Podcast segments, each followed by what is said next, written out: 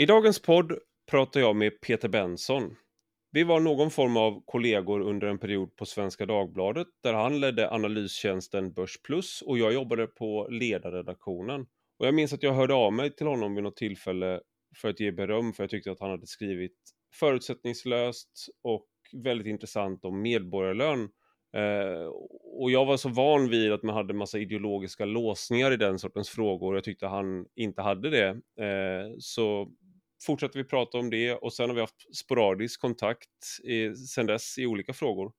Eh, och sedan början av 2020 så blev Börs Plus en del av tidningen Affärsvärlden. Eller rättare sagt, Börs Plus AB tog över Affärsvärlden och Peter Benson är sedan dess Affärsvärldens chefredaktör och ansvarige utgivare. Och tidningen har vuxit så det knakar om jag har förstått saken rätt och den är dessutom lönsam vilket visar att journalistik inte alltid inte alltid behöver vara en förlusthistoria. Om det finns en efterfrågan på det man producerar. Det är nästan en löjligt tillrättalagd inledning på ett avsnitt där vi pratar om marknadsekonomins fördelar. Och vi pratar också om vad ett aktieindex är för något och varför det är så svårt att slå index över tid. Dessutom så pratar vi om min senaste krönika Affärsvärlden eh, en också, som också handlar om en fråga som Peter Benson har skrivit mycket om, nämligen ESG, vilket står för Environmental, Social and Corporate Governance, vilket ungefär kan översättas till miljö, socialt ansvar och bolagsstyrning. Och ESG har blivit en allt viktigare fråga i näringslivet samt även bland fondjättar och banker och det beror på att EU-kommissionen har gått ut med direktiv om att alla måste redovisa hållbarhet och där har eh, den sittande regeringen tagit rygg och sagt att det även ska gälla här i Sverige. Varför är då Peter Benson så kritisk till allt detta goda, hållbara? Om detta och mycket annat handlar dagens podd. Men nu till dagens gäst. Du lyssnar på Rak Höger med mig, Ivar Arpi.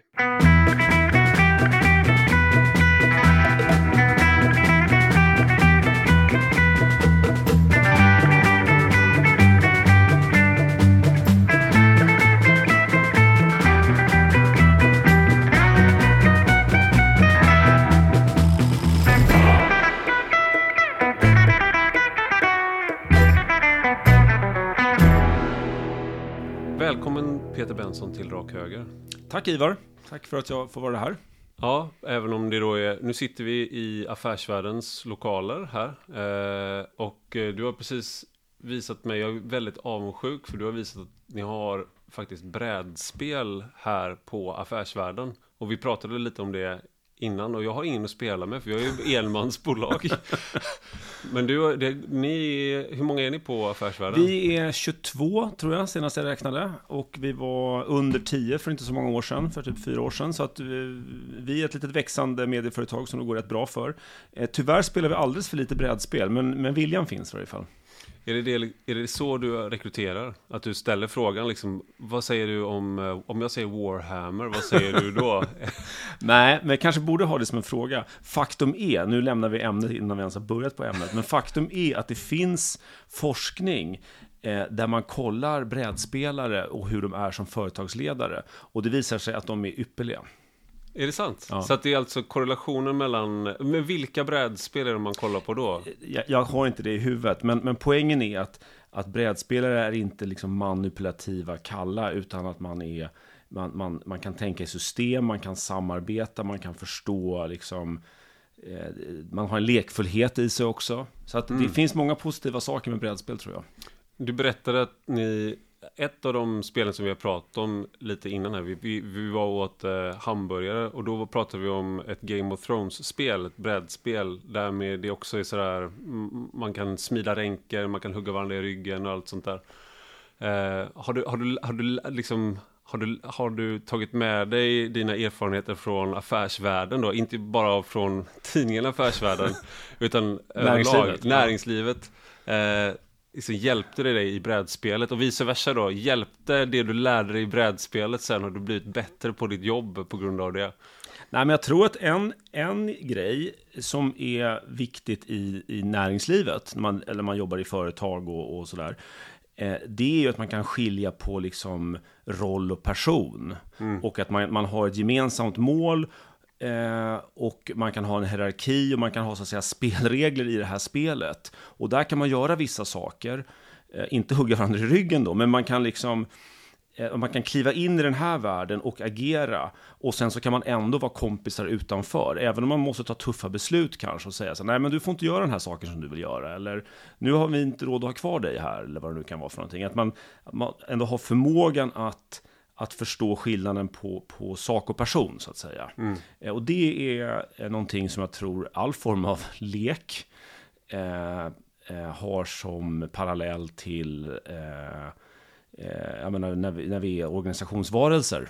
Mm. Vare sig det är i ett, ett, eh, ett företag eller någon annan typ av organisation där man jobbar stenhårt mot ett, ett mål som, mm. som kan tyckas lite abstrakt i vissa sammanhang. Mm. Det kan vara liksom slå in en boll i ett mål eller eh, göra vinst eller vad det nu kan vara för någonting. Lyfter man blicken lite och tittar på mänskliga samhällen så eh, väldigt mycket handlar ju om så att säga vilka ska producera vilka varor och tjänster och hur ska de sen fördelas. Mm. Det är ju liksom det som mänskliga samhällen handlar om. Och, och, under någon gång så kanske det var en familj och då var det någon patriark eller matriark som bestämde eh, vilka som skulle producera och hur det skulle fördelas. Men sen får man större samhällen och då var det den med störst klubba som bestämde, liksom, eller den med störst mm. kors eller vad det nu var för någonting. Mm. Eh, och så fördelar man det här enligt någon nyckeltal som kanske var eh, vem som ens förfäder var eller, eller om man hade det stort svärd eller återigen.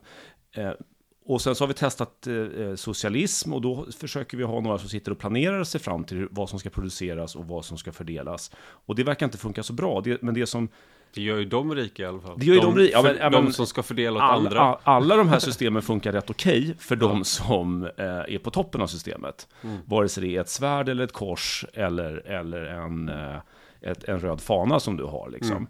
Så funkar för dem i toppen. Men frågan är hur det funkar för de som är i mitten eller i botten. Mm. Och där är det ju så att marknadsprincipen, som då bygger på frivillighet, att frivilliga aktörer på en marknad behöver inte så att säga aktivt fundera ut vem som ska producera vad, utan man behöver bara bestämma, jag är bra på att göra skor, då gör jag skor, jag kan sälja dem och då kommer det finnas massa grejer för mig att köpa. Mm. Och den frivilligheten är någonting himla eh, tjusigt, som eh, dels leder till välstånd, rent empiriskt kan vi ju se det, och eh, jag tycker också att den är moraliskt högtstående. Mm. Och det tycker jag att eh, debatten den politiska debatten i Sverige över hela världen, eh, den här, den, här, den här moraliska dimensionen av marknadssystemet är ju alldeles för bortglömt. Mm. Och det finns massa, massa, massa, massa avarter med marknadssystemet. Eh, men det gör det i alla system. Mm. Det är en pågående diskussion. Behöver man ha demokrati för att ha en fungerande marknadsekonomi? Till att börja med så tror jag att det här med kriminalitet och marknadsekonomi, det finns ingen koppling, utan det kan vara högerkriminellt och marknads, någon typ av marknadsmekanism, tänk Ryssland och sådär. Mm. Eller så kan det vara helt lågkriminellt som det var i Sverige till nyligen, eller som det kanske då är i Dubai eller någonstans. Ehm, och politiskt så är det ju då tyvärr, får jag säga, inte heller något samband rent empiriskt. Det är bara att titta på Kina. I allt väsentligt så, eller inte allt väsentligt, men till en väldigt, väldigt stor del, så låter man ju marknadskrafterna råda. Mm. Eh, om än med vissa styrmedel. Liksom det är ju det finns ju fler miljardärer i Kina än vad det finns i Europa. Liksom. Mm. Och, och, det är ju inte för att det är kommunism som råder, utan det är ju för att är, de har en marknadsmekanism.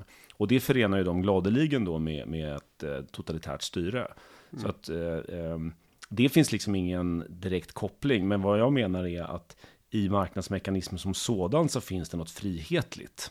Mm. I att folk gör frivilliga val om var de ska jobba, vad de ska köpa, vad de ska utbilda sig till och vad de ska producera. Och det är ju i sig ett slags embryo till politisk frihet kan man hoppas.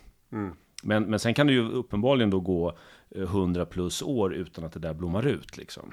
Just det. Men man, om man tänker sig de här borgerliga idealen då, de, de tillkom ju under icke-demokratiska former från 15-1600-talet och framåt.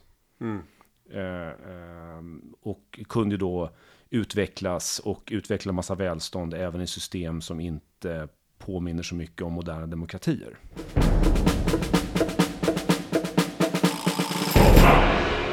Skulle byta spår lite grann. På Affärsvärlden så har ni haft en eh, portfölj, alltså där ni samlar aktier, ni köper aktier, så, som heter då AFV-portföljen. Och så viktar ni om och säljer av och köper och så berättar väldigt, väldigt liksom öppna med, eh, med den och du är även öppen med din egen portfölj, vad som ingår i den. Det var någon som sa att det var liksom lite väl privat kanske. Eh, men den här AFV-portföljen, här är rubriken då och eh, artikeln är från 5 januari. Det har gått åtta år sedan startskottet för AFV-portföljen med 18% i årlig snittavkastning har den utklassat jämförelseindex med 7 procentenheter. Så då tänker jag, det finns många saker i det här. För det första är det otroligt skrytsamt. Men det är ju, eh, så, varför är det överhuvudtaget, kan man förklara, vad är det som är liksom stort med att slå ett jämförelseindex? Varför är det liksom en, eh, och vad, inne, vad innebär det egentligen? Alltså? Ja, eh, oj oj oj. Eh, så här, vi tar ett, ett steg tillbaka då. Affärsvärlden syftar ju till att hjälpa eh, intresserade prenumeranter med eh, att fatta beslut. Och det kan vara för att de är beslutsfattare i näringslivet eh, eller för att de är investerare eller sparare som vill fatta bättre beslut. Eh, och vår ambition är att, att, och vi är ganska analytiska då, alltså att aktieanalys och aktieråd är en väldigt stor del av det vi pysslar med. Eh, och målet är att du som läsare ska tjäna på den här bättre analysen då. Och då blir den här då modellportföljen som vi kallar den för, eller AFE-portföljen, den blir ett sätt att liksom på ett kondenserat sätt visa att vi vet vad vi pysslar med, så att säga. Mm. Eh, så det är därför vi håller på med det. Våra läsare är, är liksom jämfört med folk i gemen eh, nästan sjukligt intresserade av det här helt enkelt. Mm. och vi, vi är väldigt glada och tacksamma för att få hjälpa dem med det här. Eh, Eh, och ett index då, ett index är ju i eh, finansiella sammanhang ett genomsnitt av någonting. Så att ett börsindex är ju genomsnittet av hur alla bolag på en börs går. Mm. Och eh, om man håller på med, med, med eh, om man lägger någon energi på sitt sparande och sina investeringar, då vill man ju gärna gå bättre än snittet. Mm. Eh, annars så bör man ju göra någonting annat med sin tid. Mm. Eh, och då finns det jättebra fonder och grejer man kan hålla på med. Men, men vill man vara aktiv så kan man antingen göra för att man tycker det är väldigt kul, om vi är tillbaka till det här med leken och, och, och, och det. Och det, det, det känner vi också. Men sen måste man utöver det också, eller förhoppningsvis tänka att man över tid ska klara sig bättre än snittet. Mm. Och, och, bara tar vi ett räkneexempel, säg att du har en miljon, inte för att alla har det, men det är lätt att räkna på det. Eh, eh går du 5% bättre än index, eller 7% som det var i, i det du läste upp här, då är det 70 000 kronor per år. Så mm. det är mm. ganska mycket pengar liksom. Ja. Så det är meningsfullt att försöka slå index med 7% per år. Och det är eh, eh, bra också.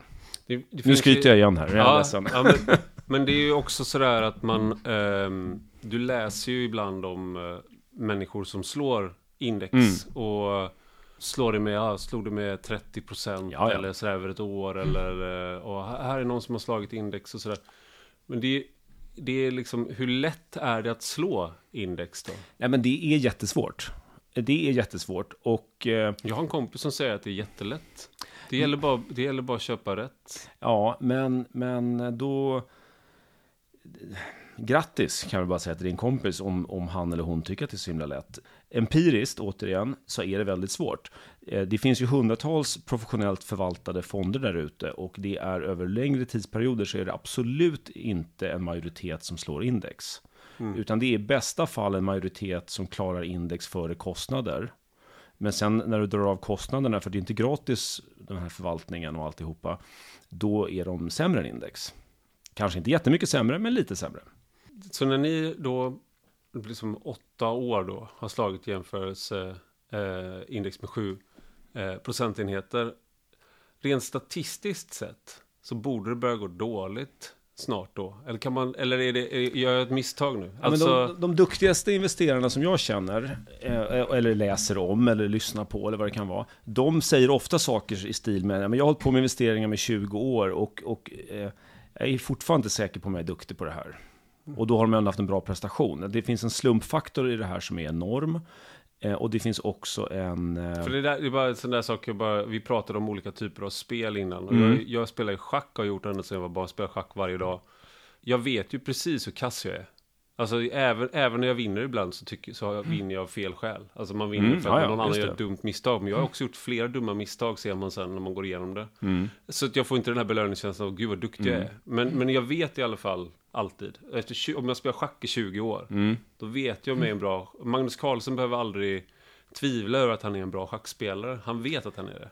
Nej, nej men jag tror så här, äh, poker, som jag inte är någon expert på, men det, det tror jag är mer likt äh, de finansiella marknaderna. Skulle du och jag spela poker, spelar vi en hand eller två händer eller tio händer, så kommer slumpen vara enorm. Mm. Det kommer vara slumpen som avgör vem som får bra kort och, och vem som lyckas bluffa. Eller vem, liksom, den kommer vara enorm. Men spelar vi tusen händer, då, då, då börjar det liksom eh, förmodligen utkristallisera sig vissa skillnader. Liksom. Mm. Eh, och och eh, en, en, en, en hand i poker kanske är som ett år på börsen. Då, liksom. Så de flesta får inte mer än 40 händer. Nej, just det. Och, och, då, och då är slumpfaktorn enorm. Ja. Eh, du kan ha ett jättedåligt resultat men ha gjort allting rätt. Eller du kan ha ett jättebra resultat och spelat som en kratta. Mm. Eh, det betyder inte att det inte finns skillnader i skicklighet. Mm. Men, men slumpfaktorn är ganska stor helt enkelt. Men, men eh, nu är vi ganska liksom finansfilosofiska här då kanske. Men, men processen och eh, attityden och approachen kring det här gör att man kan eh, förbättra sina odds väldigt mycket.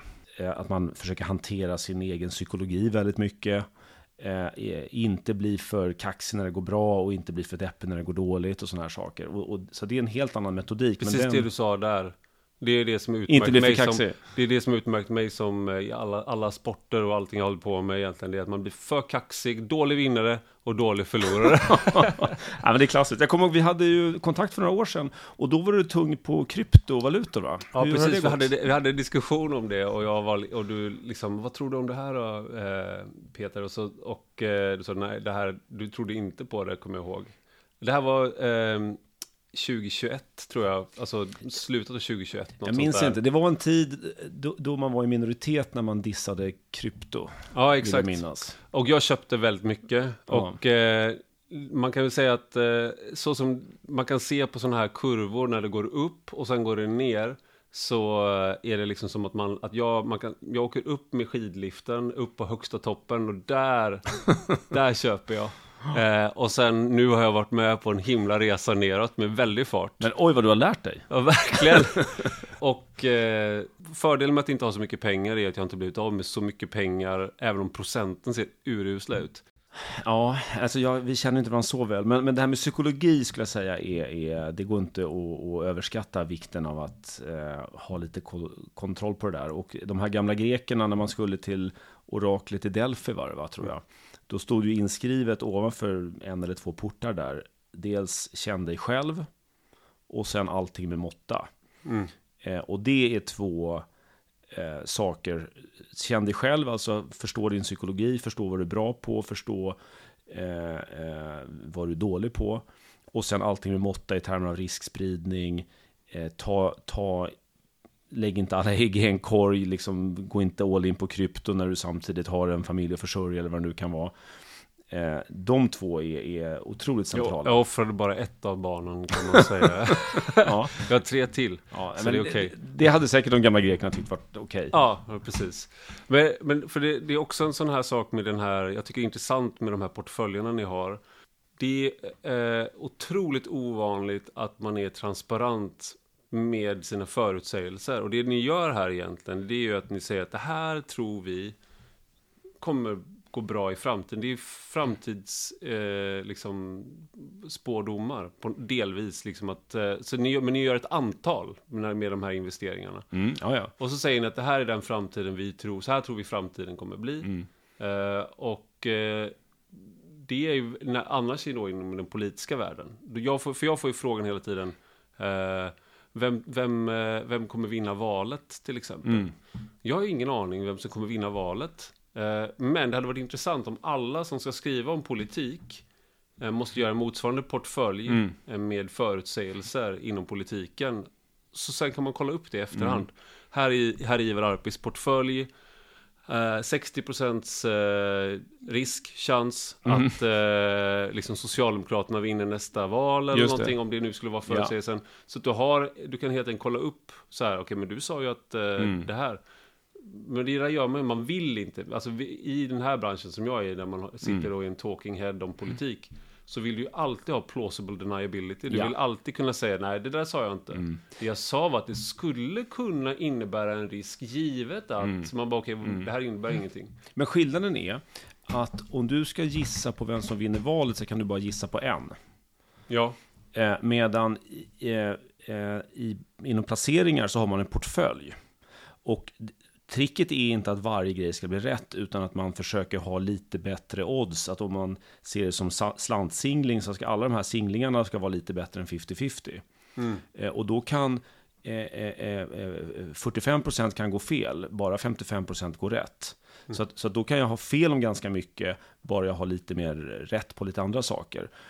Så att man behöver inte, för att det, det, det, liksom det intellektuellt korrekta svaret på vem vinner valet är ju inte bu eller bä, utan det är ju just nu är chansen 55% att sossarna vinner. Förstår du vad jag menar? Det, det, det intellektuellt stringenta är ju inte att vara säker på det nu, nej. utan det intellektuellt stringenta är att säga att nu tror jag chansen är 60-40 och marknaden vis, verkar prisa in att det är 50-50. Mm. Alltså ska jag lägga lite pengar på det här utfallet. Just det. Jag är helt enkelt in, jag har ingen stark uppfattning att någonting kommer hända. Jag tror bara att, att jag har gjort en lite bättre analys av oddsen jämfört med vad som prisas in som ett genomsnitt. Så, så att, eh, och, och då är vi inne på det här med, med, med allting med måtta. Att man ska inte vara för tvärsäker. Man ska våga ha en åsikt, men man ska inte vara för tvärsäker samtidigt. Och det där är jävligt spännande. Jag hörde något cit- citat som var eh, Strong opinions loosely held. Exakt. Eh, Det att du, är- liksom, du, har, du har hypoteser, men du är också beredd att omvärdera. Exakt. Och Ja. det där är ett av de finaste. Det, finns, det är dåligt med svensk översättning, men, men den tycker jag är, är jätteviktig både vid investeringar, eh, driva företag och egentligen i allt när man så att säga, tittar på omvärlden. Att man, man, man ska inte vara rädd för att forma en åsikt, men man måste hela tiden vara lite mjuk i att kunna ompröva den. Liksom.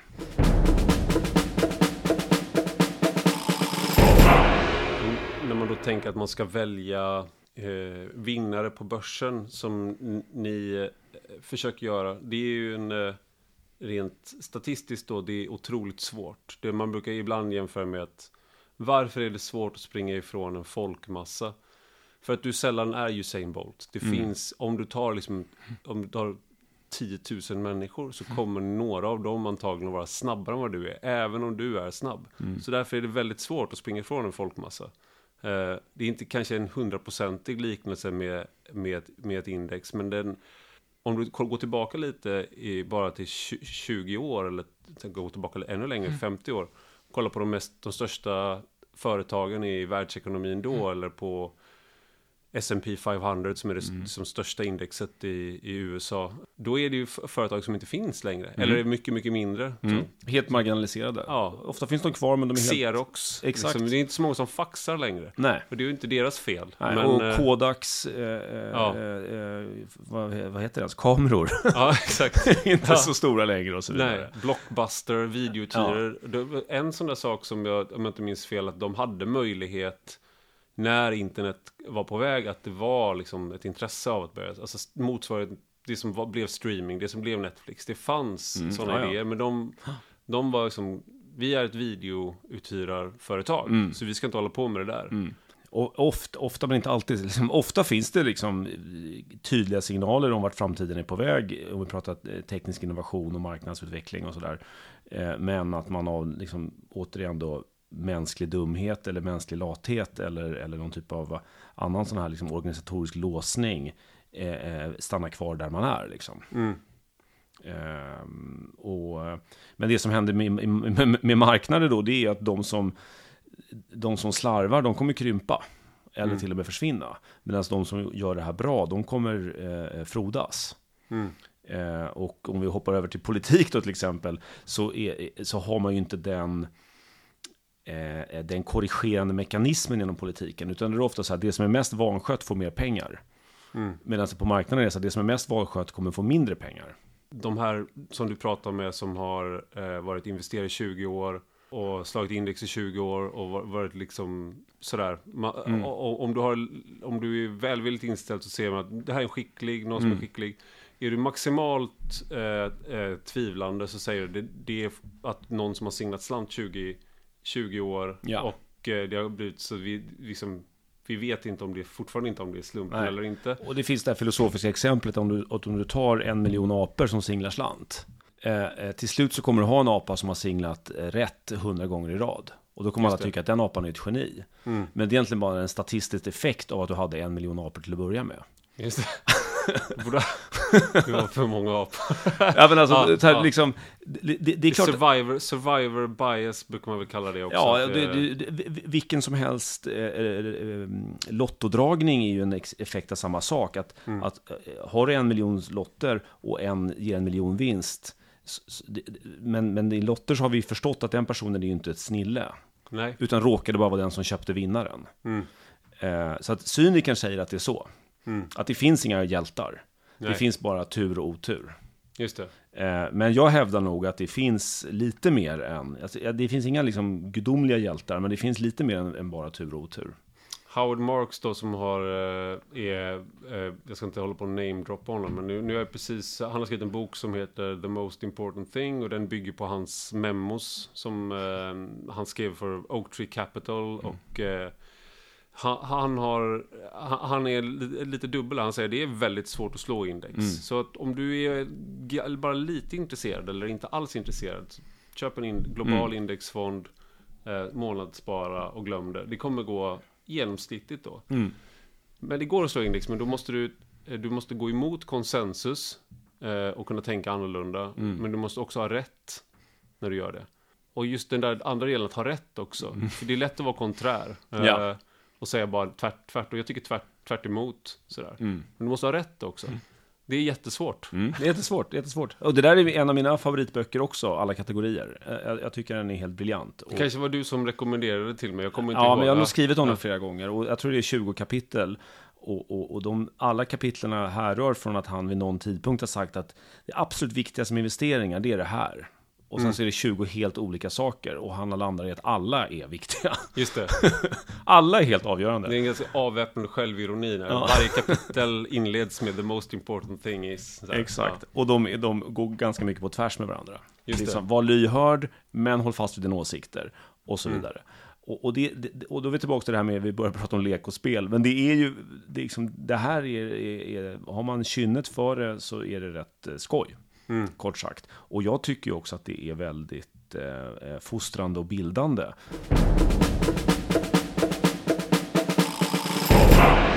Eh, jag hörde dig när du blev intervjuad i podden Börspodden. Och det var en kul intervju, men de var irriterade på, på det. Alltså så vänskapligt irriterade för att någonting som eh, ni gör på äh, affärsvärlden som du sa också, det är att ni ger råd, ni ger analyser eh, så man kan lära, här, lära mm. sig om olika företag och branscher och sådär.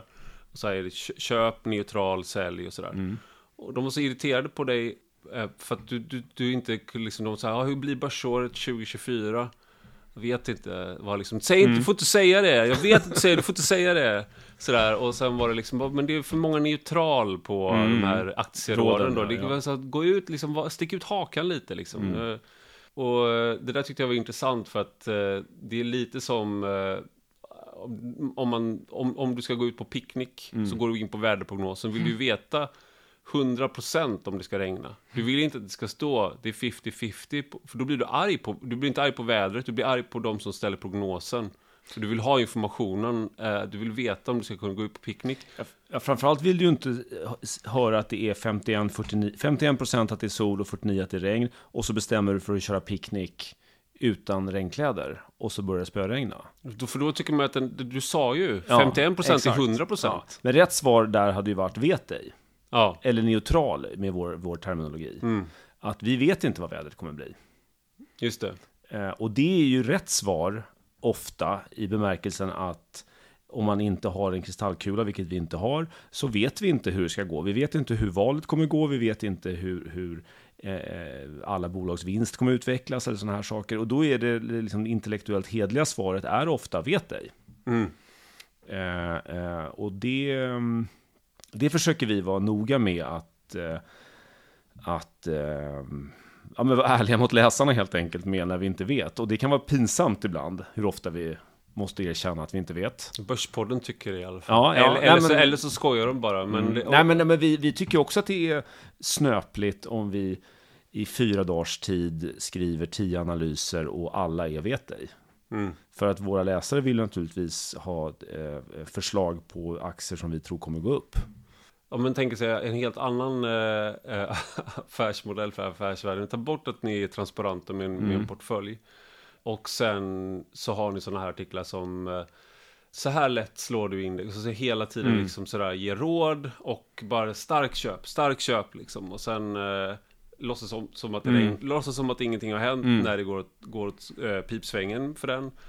Det här är nu tio nya, liksom, det här är nya trenden. Hoppa på nu när det fortfarande finns tid. Alltså för det, där, man, det, där, det finns den typen av ja, ja. publikationer också. Absolut, och återigen, det finns jättemånga så att säga eh, produkter och tjänster där ute, vare sig vi pratar skor eller, eller investeringsvägledning. Eh, och eh, det finns alla sorter. Eh, vi spelar liksom ett, ett långsiktigt spel och då tror vi att transparens och kvalitet är det som kommer räknas. Och att vi det, liksom, det hänger ihop i allting också. För att vi ska vara ett bra gäng så måste vi... Eh, alltså för att kunna rekrytera rätt typ av personer så måste vi ha... Ett, det, det, måste vara ärliga personer och de, de, måste, de, de kan inte liksom... Eh, eh, vara sådär cyniska som det du beskriver till exempel. För då mm. kommer vi dra till oss fel personer och då blir det självuppfyllande. Då har vi helt plötsligt en, en, en skitprodukt. Mm. Eh, och, och, eh, det finns ju alltid en har man en högkvalitetsprodukt, vare sig det är liksom en, en handväska eller vad, vad som helst, så finns det ju alltid en latent möjlighet att börja urholka kvaliteten och börja göra en dålig, liksom slarva med kvaliteten. Mm. Den är inte längre handsydd den här väskan, utan den är sydd eh, på maskin i Kambodja. Liksom. Just det. Och, och, och de, det året man gör det så kommer man ju tjäna mycket pengar, eller allting kommer kännas väldigt enkelt. Men, men sen kommer ju verkligheten ikapp. Liksom. Mm. Uh, och, och, det där är återigen, om jag går tillbaka till det här lite mer filosofiska kring marknadsekonomi, det där missförstår ju väldigt många och tror att kapitalister eller företagare är liksom eh, giriga och ute efter att luras. Och det finns, det finns absolut de som gör det, men då har ju de tagit ett beslut att jag tänker köra mitt bolag i drickat för att krama ur de här kortsiktiga vinsterna som jag gör. Mm. Eh, eh, om jag liksom, säljer en Mercedes men levererar en, en lada. Just det. Eh, så den möjligheten har man ju alltid som, som, som om man har ett kvalitetsvarumärke att börja liksom urholka det. Mm. Eh, sen finns det ju andra liksom, exempel där man helt enkelt bara ljuger och säger att eh, det här är guld, men egentligen var det bara bly med guldfärg på. Det. Men det, det vill man, då vill man ju vara i ett samhälle där det är kriminellt. Mm.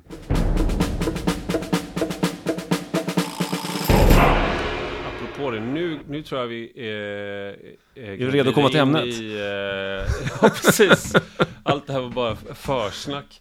Nej, men det finns ju något som kallas för ESG och uh, jag måste erkänna att när jag först stötte på det så visste jag inte vad det stod för. Och sen kollade jag upp det, men det liksom, sen glömde jag, alltså jag tror jag glömde av det apropå det här med att vara smart och sådär och inse hur smart eller hur dum man är. Så det tog mig tio gånger eller någonting jag bara kunde lägga på minnet att det var Environmental, Social and Corporate Governance.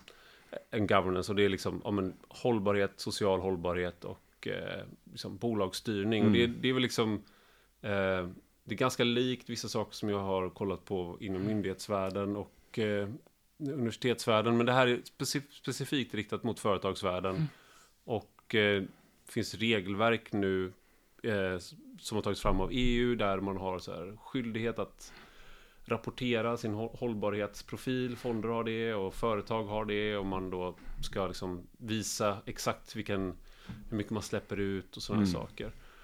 Och jag har precis skrivit en text om det här eh, för, för er på Affärsvärlden. Eh, och eh, där jag kritiserar just en specifik del av det, där att man i, med hållbarhetsargument så exkluderar eh, AP-fonderna, liksom våra pensionsfonder, de exkluderar så gott som alla viktiga vapenföretag i västvärlden inom Mm. NATO. Och eh, även det enda som inte är exkluderat är Saab. Eh, så vad jag kunde se, att, sen finns det kanske mindre företag som inte är exkluderade. Mm. För att de är så små så att de är kanske ointressanta att exkludera.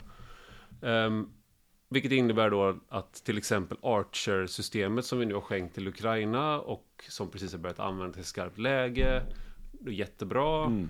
Eh, de företagen som ligger bakom det, numera är det Bofors eller Bay eh, som Mm. är moderbolag och Rheinmetall som gör själva riggen då, eller lastbilen Mm. som den kan monteras på. De är exkluderade och det här gäller även många av de här fondjättarna Mm. då som eh, gör de här stora globalfonderna och sådär.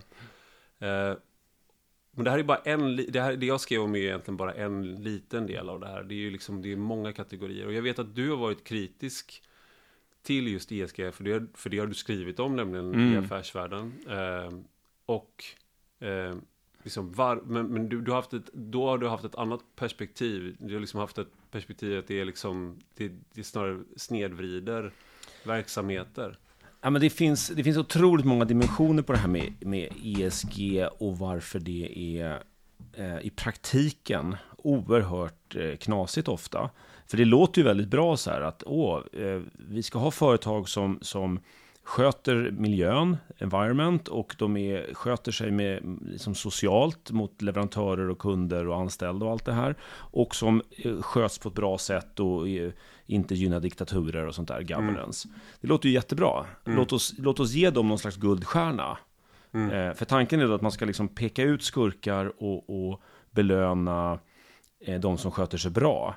Via sådana här då ESG, eh, liksom någon slags betygssystem då.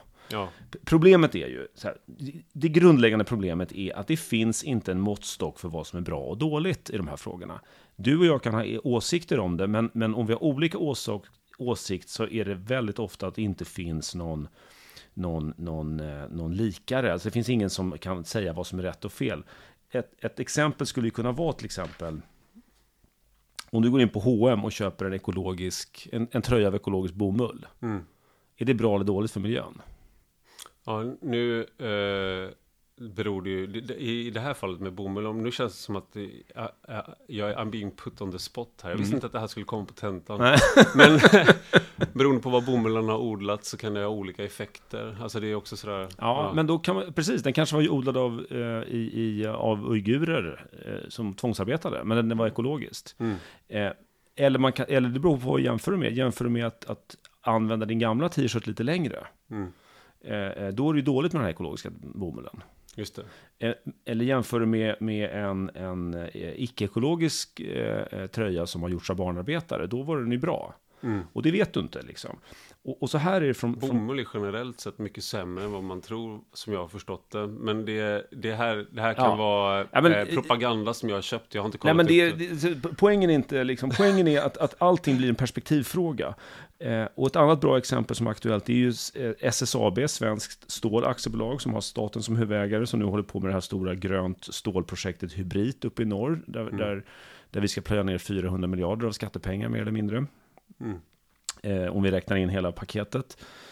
Eh, eh, är, är det här, är SSAB ett, ett grönt företag eller inte? De släpper idag ut jättemycket CO2, för det Mm. gör all stålproduktion. Eller ska man jämföra dem med, med andra stålproducenter och då kanske SSAB är lite bättre?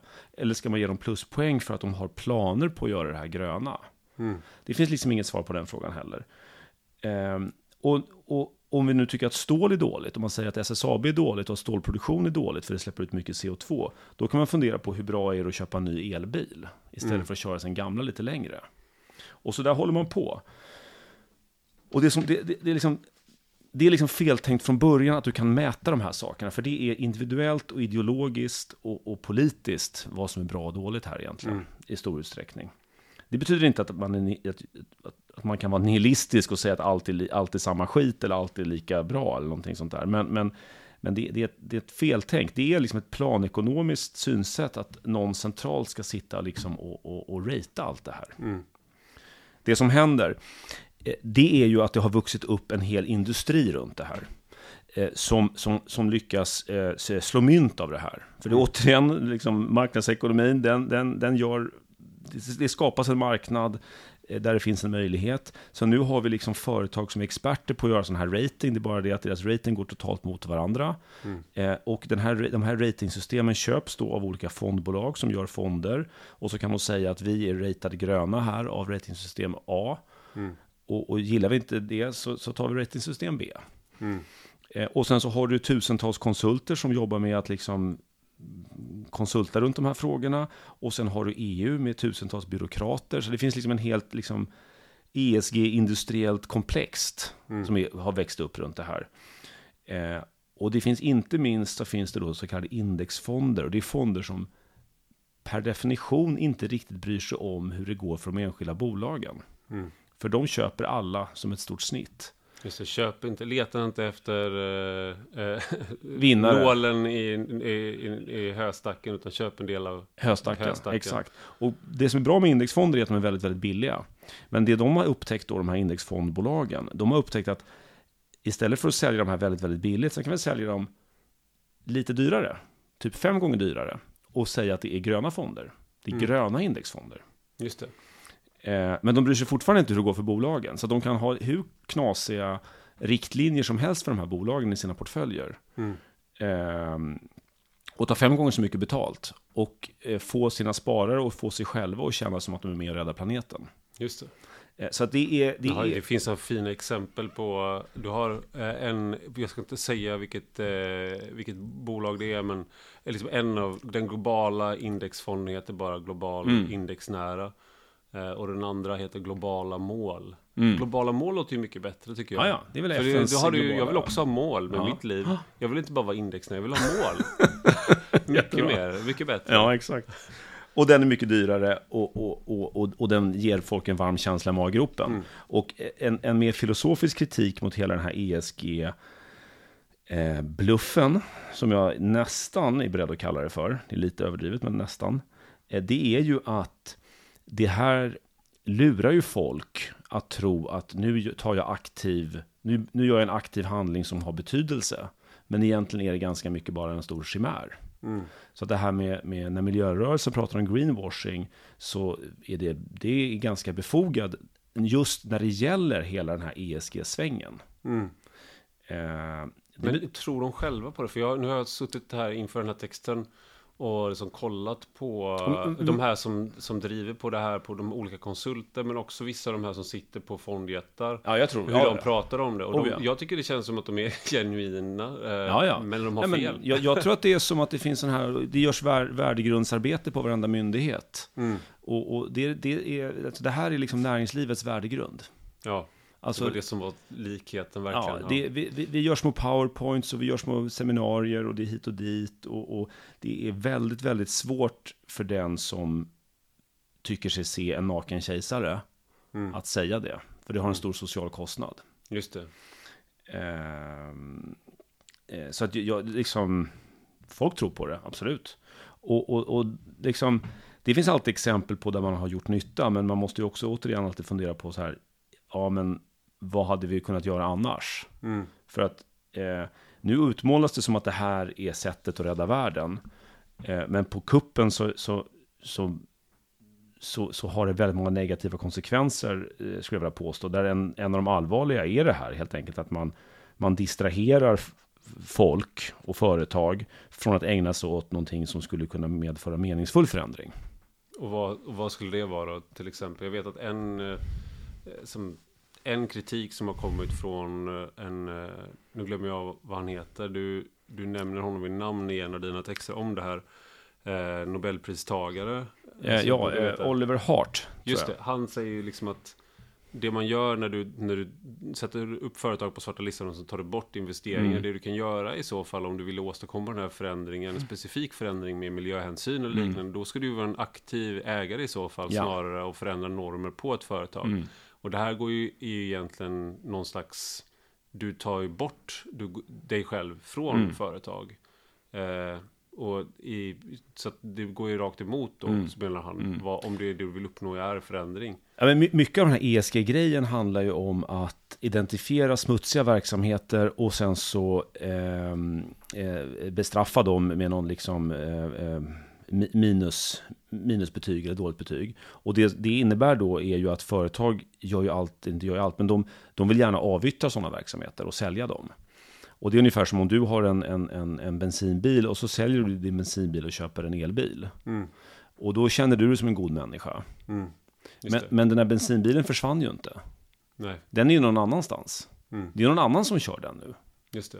Eh, och så är det med den här, när de här eh, bolagen som vill känna sig fina och få fina ESG-betyg, när de säljer sina lite mindre, eh, då enligt de här ratingsystemen, gröna verksamheterna, eh, då säljer de till någon som inte bryr sig. Som Vattenfall sålde sina... De säljer kolkraften till någon i Tjeckien. Och så har man avyttrat det och då kan man kanske få bättre ESG-rating. Ja, men du, du, har inte ändrat någonting. Nej, du har, inte ändrat, du har inte ändrat någonting överhuvudtaget. Det du möjligen har gjort är att du har en drift att den mest ansvarskännande företagaren eh, överlämnar den potentiellt sett smutsiga verksamheten till den minst ansvarskännande ägaren. Mm. För det är den, den som är minst eh, känslig för social kritik som mm. kommer känna att det här är okej att köpa den här verksamheten. Just det. Så, så det, det, det, blir en slags absurd upp och nervända världen av att man skuldbelägger saker som att tillverka stål. Mm. Eller naturgas eller vad det nu kan vara. Eh, jag menar ju så här att kol till exempel, det är förmodligen väldigt dåligt. Men, men, men om vi nu har ett energisystem där, där kol fortfarande är en komponent och vi inte tror att den här kolgruvan kommer stängas då är det ju bara barnsligt att tro att kolet försvinner för att jag inte äger det. Mm. Det är som att vända bort blicken bara, men det finns fortfarande kvar. Ja, mm. ja det, det, det, är liksom, det är som att sälja den här mm, bensinslukande bilen till en, någon som man vet ska långtidspendla med den. Liksom. Mm. Teorin om en indexfond är ju också då att du istället för att liksom försöka så här, köp, en del av, köp en del av höstacken, ägna inte tid åt det för att risken är att du hela tiden kommer välja förlorare mm. och då kollar du på när folk köpte till exempel Samhällsbyggnadsbolaget, SBB, mm. Eh, som är, blev en folkaktie. Den blev en folkaktie precis ungefär som när jag gick in på kryptomarknaden. Mm. Man är med på skidor, är på, på utförsåkningen nerför. Mm. För att man, när folk börjar bli rika på någonting, då är det för sent ofta att hoppa på, även om det är en bra aktie. Mm. I alla fall. Så då är tanken med en indexfond, du månadssparar och sådär. Men om du då har det här ESG, blir inte det i sig då också en snedvridning av vissa av de här? Att du får inte riktigt Eh, du, du, liksom, du gör någonting annat med, eh, med börsen? Ja, alltså många som är, eh, om man är lite så här marknadsfundamentalistisk, tycker att det här är någon slags smygsocialism för att företag ska inte ha några andra mål än att tjäna pengar. Mm. Eh, och det är en ståndpunkt som, som jag kan ha viss respekt för, men som jag tycker kanske är lite överdriven. För det var Milton Friedman som pratade om det på 70-talet, ja. och då när han sa det var extremt ja. radikalt i den, liksom den Han sa att uh, the business of business is business. Just det. Ganska snygg formulering. Det måste, det man säga. och han menar att företag ska inte göra något annat än att, än att driva sin business. Och sen så om ägarna har filantropiska eh, läggningar, vilket väldigt många rika personer i USA bevisligen har, då ska de göra det eh, med vinsterna. De ska mm. inte använda bolagen som någon slags eh, intresseorganisationer. Mm. Eh, ehm, ehm, och och det, det där synsättet har varit förhärskande länge, men nu har det ändrats väldigt mycket i och med ESG-vågen. Ehm, då, då, och det är väl mycket klimatfrågan och så vidare som ligger bakom det. Så nu är det väldigt många företag som inte alls är så tydliga med att huvuduppgiften är att driva verksamheten för kunder och aktieägare. Mm. Utan att det är på något sätt att hjälpa världen. Och, och jag, jag tror inte att girighet är en korrekt beskrivning av bevekelsegrunderna för väldigt mycket företagande. Men däremot det här med att lyckas och ekonomisk frihet och ekonomisk trygghet och att framgången manifesteras i en vinst.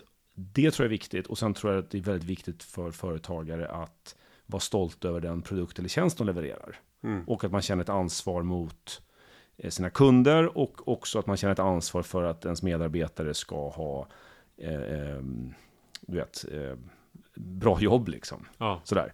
Det tror jag är viktiga drivkrafter. Och pengarna såklart. Eh, vart vill jag komma med allt det här? Eh, jo, men se, blandar man bort korten och säger att det där är bara en av fyra mål, för du ska dessutom eh, eh, tänka på att dina underleverantörers underleverantörers underleverantörer eh, har en bra ESG-policy på plats. Mm.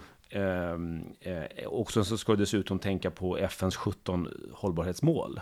Mm. Då, då liksom... det, det lät som att, alltså, om man inte vet det, men det lät som att du nästan hit, att du raljerar där. Men det är verkligen 17 hållbarhetsmål. Det är 17 hållbarhetsmål. För det, det låter raljant. Men ja, det nej, är nej, verkligen nej, 17 ja, ja. hållbarhetsmål. Nej, men alltså, när, när, om vi tar för 20 år sedan när jag var ganska ny i det här, eh, i den här uh, verksamheten. Eh, då var en typisk årsredovisning kanske 50-60 sidor. Och det är liksom där bolaget beskriver sig självt och räkenskaperna och siffrorna för året som har gått. 50, 60, 70 sidor kanske. Nu är de ofta över 300 sidor. Mm. Och det som har tillkommit är inte mer saftig information för sådana som mig, utan det är eh, eh, ganska mycket ordet hållbarhet kluvet på 17 olika ledder och bredder och hit och dit. Och hur förhåller vi oss till FNs hållbarhetsmål 14 här? Mm, och, så, och så tre sidor tabeller över det liksom. Mm. Eh, och inget ont om dem, de där målen i sig, men det blir liksom lite knasigt, mm. tycker jag. Till exempel eh, kan man ju se att eh, på AFVs på portföljen ni har en del spelföretag och mm. det är ju en sån där sak som då det, det, det, ingår inte i ESG så att du ska exkluderas om du är mm, mm. och, eh, vissa av dem har gått bra Betsson, eh, Evolution mm.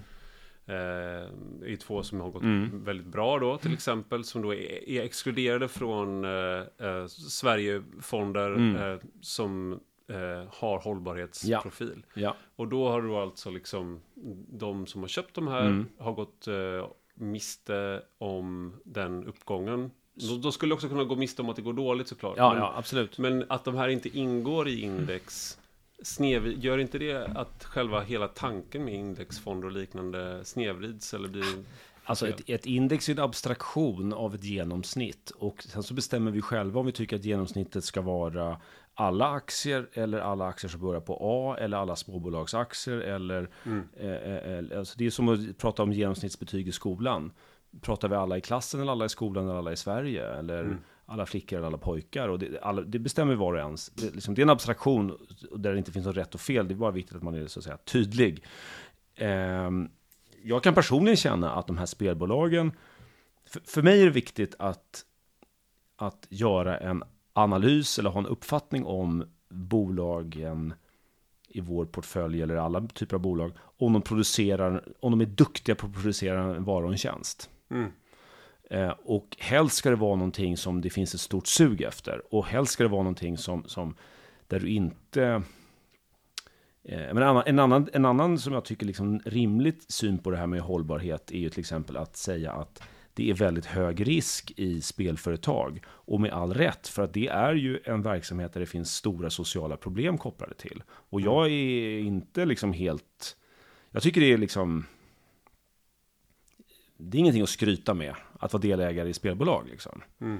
Eh, och då, de, det finns aspekter av deras verksamhet, nu pratar inte jag om de här specifikt som vi har i vår portfölj just, utan det, i den här branschen så finns det jättemycket smutsigt och jag tror ingen är helt ren.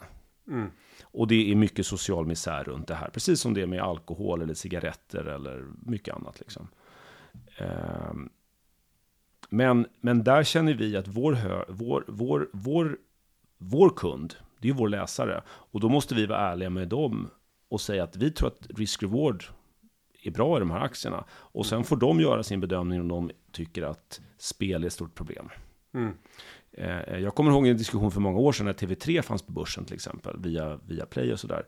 Eh, då kunde jag tycka till exempel att TV3 är ju en smutsigare verksamhet än Swedish Match som gör snus. Mm. Men Swedish Match som gör snus var ju typiskt sett på alla sådana här svarta listor då. Ja. Men beroende på synsätt kan man ju säga att de är hjältar. Mm, just det. För snus är bättre än cigaretter. Mm. Det är förmodligen inte med eh, hjälp av aktieinnehav nej, som du kommer att förändra nej, världen. Nej, och det är den andra så här stora käpphästen, att, att vi som små individer har så oerhört dåliga förutsättningar att göra en, en, en, en vettig skattning av komplexa system och nettot av olika saker. Eh, vi kan göra det kanske, liksom, jag kan säga så här att jag tycker att spel är fruktansvärt för jag har sett tragedier på nära håll. Nu pratar jag inte om mig själv, utan man kan, någon kan säga det. Mm. Och jag vill inte vara en del av det jättebra. det är en, det är en helt liksom rimlig ståndpunkt. Men att säga att vi ska rädda klimatet genom att köpa ESG-fonder som i sin tur ska exkludera eh, eh, olja mm. och inkludera någon slags solkraft. Det är så många steg av ytterst komplex komplexa liksom orsakssamband och liksom andra, andra, andra grads, eh, vad heter det, second order effects på engelska. Mm. Det, det, det, är liksom inte så här, in, små individbeslut är inte speciellt bra för att åstadkomma eh, systemförändringar av komplex natur. Mm. Så att där bör ju en statsmakt vara inne och säga till exempel att vi ska ha ett pris på utsläpp. Mm. Och sen så är marknader jätte, jätteduktiga på att sortera om över några års sikt så att utsläppen hamnar hos aktörer som, som, som ehm, eh, verkligen drar nytta av de här och omvänt att alla som kan hitta alternativ till de här utsläppen kommer hitta det. Mm. Och då minskar de. Liksom. Eh, förra gången som jag var väldigt så här intresserad av det här, det gick det åt helvete för, för mig och för hela marknaden. Ja. Så har ni, har ni någonting ni behöver sälja nu, som eh, på no, någonting som ni har spekulerat i, så gör det nu, men det är säkert för sent redan. Eh, för jag är toppsignalen. Du är toppsignalen, ja, det är härligt. Stort tack Peter Benson för att du var med i Rak Höger. Tack Ivar. Och stort tack till er som lyssnar. Och detta är alltså en del av en större publikation på Substack med samma namn som podden och du hittar alltihop på www.enrakhöger.se. Och har ni några frågor eller synpunkter så tveka inte att höra av er på ivararpi Vi hörs om en vecka igen.